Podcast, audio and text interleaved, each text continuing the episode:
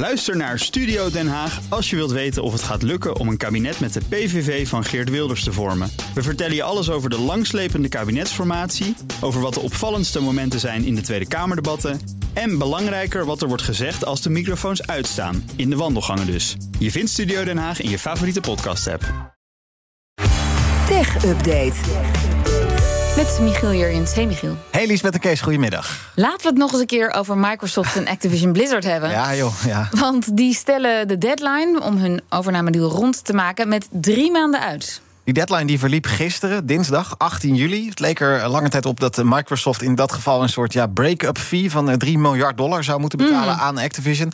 Maar vandaag laat Activision samen met Microsoft weten dat de deadline voor die overname inderdaad wordt opgeschoven naar 18 oktober. Dus precies drie maanden na 18 juli. Ja, als je vaker naar de Tech Update luistert of naar BNR, dan kun je het bijna niet gemist hebben. Ik probeer het toch even heel kort. Microsoft heeft er 69 miljard dollar voor over om Activision Blizzard in te leiden een van de grootste game studio's ter wereld. Het bedrijf achter Call of Duty, World of Warcraft. Maar ook Candy Crush bijvoorbeeld, dat komt daar vandaan.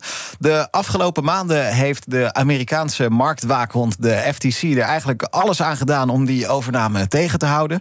Zijn bang dat Microsoft te groot, te machtig wordt in de game-industrie. Nou, meerdere rechtbanken in de VS die zijn niet met die bezwaren meegegaan. Dat hoorden we vorige week allemaal. Maar ja, al die zaken hebben wel voor een hoop vertraging gezorgd. Bovendien moet er nog een horde worden genomen. Een laatste horde, die ligt in het Verenigd Koninkrijk.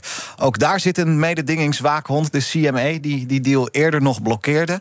Nou, inmiddels lopen er toch weer gesprekken tussen de CMA en Microsoft. Uiterlijk eind augustus gaat die CMA dan een nieuw standpunt innemen. Misschien toch goedkeuren. Misschien toch niet goedkeuren, tenzij Microsoft aan bepaalde voorwaarden voldoet. Maar in ieder geval, ja, er zijn dus weer nou, drie maanden tijd gekocht om dit allemaal rond te ja, maken. Nou, we hebben het er vast in die drie maanden nog uh, nou, 33 keer over, denk ik. Uh, minstens. En weet je wel, kijk, die 3 miljard, dat is, dat is logisch. Hetzelfde als dat je een boete moet betalen ja. als je iemands huis koopt en je trekt jezelf terug. Ja. Maar dat moet dan ook betekenen dat Activision Blizzard ook zegt: ja, de overname gaat niet door. En ze hebben er heel veel baat bij, natuurlijk, dat het nu ook verlengd wordt. Ja, klopt. Beide partijen die, die willen dat het uh, gebeurt. Dus ja, daar zetten ze nog steeds gewoon volop in.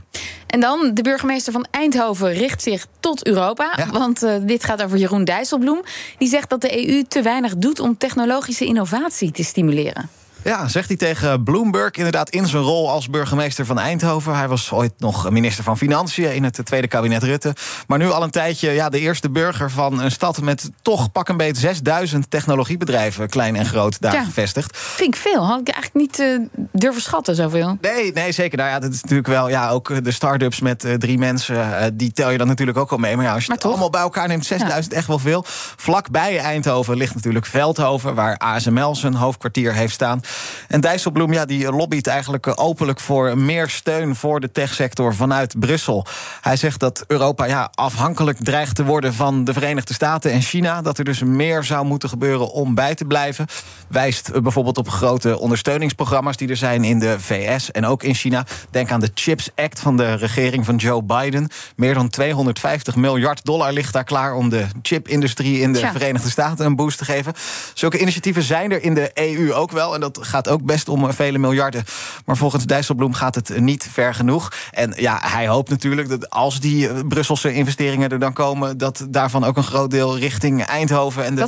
Brainport Eindhoven-regio gaat. Dus vandaar die uitspraak. Van Maar we spraken laatst nog wel over die enorme investering van de Nederlandse overheid, althans, en bedrijven in die smart photonics, die Ja. fotonische cellen. Dus het staat wel op de radar. Zeker, zeker. En uh, ja, dit zal onderdeel van dat grote lobbyspel zijn.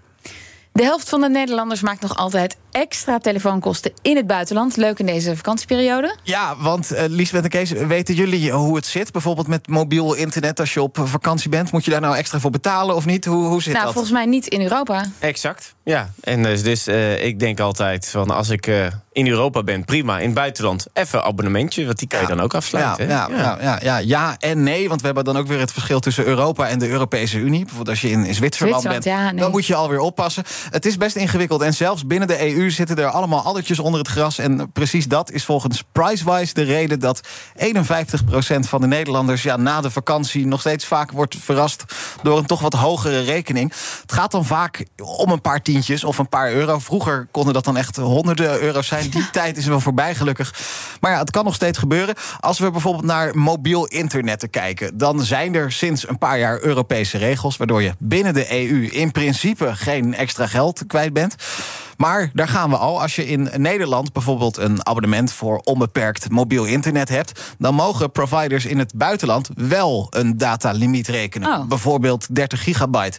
Als je dan een paar avondjes gaat Netflixen, dan kun je daar al aan zitten in het buitenland. En betaal je toch een paar euro per gigabyte extra. Ook binnen de EU. Ook qua bellen en gebeld worden, dat blijft altijd onduidelijk en verwarrend. Uh, ik ga volgende week naar Italië. Als ik daar naar een restaurant bel, dan kost dat me niks extra's. Maar als ik dat nu vanuit Nederland doe naar Italië, kost het wel weer extra geld. Vanuit een ander EU-land bellen naar Nederland kost soms geld, maar niet altijd. Dat is heel ingewikkeld. Het is, ja, het is ontzettend ingewikkeld. Ja, en dan hebben we het nu alleen nog maar over telefoongebruik binnen de EU. Eigenlijk, ja, als je de Europese Unie verlaat, altijd je data roaming even uitzetten in je instellingen. Gewoon maar voor de zekerheid. En zoek gewoon lekker wifi op. Dan kom je nooit voor verrassingen te staan. Ja, en check je provider. Uh, en ook een oproep meteen aan allemaal. Want ja, het is nog steeds, je hoort het ontzettend ingewikkeld hoe het allemaal in elkaar zit. Dankjewel, Michiel Jurjens. De BNR Tech Update wordt mede mogelijk gemaakt door Lenklen. Lenklen. Betrokken expertise, gedreven resultaat.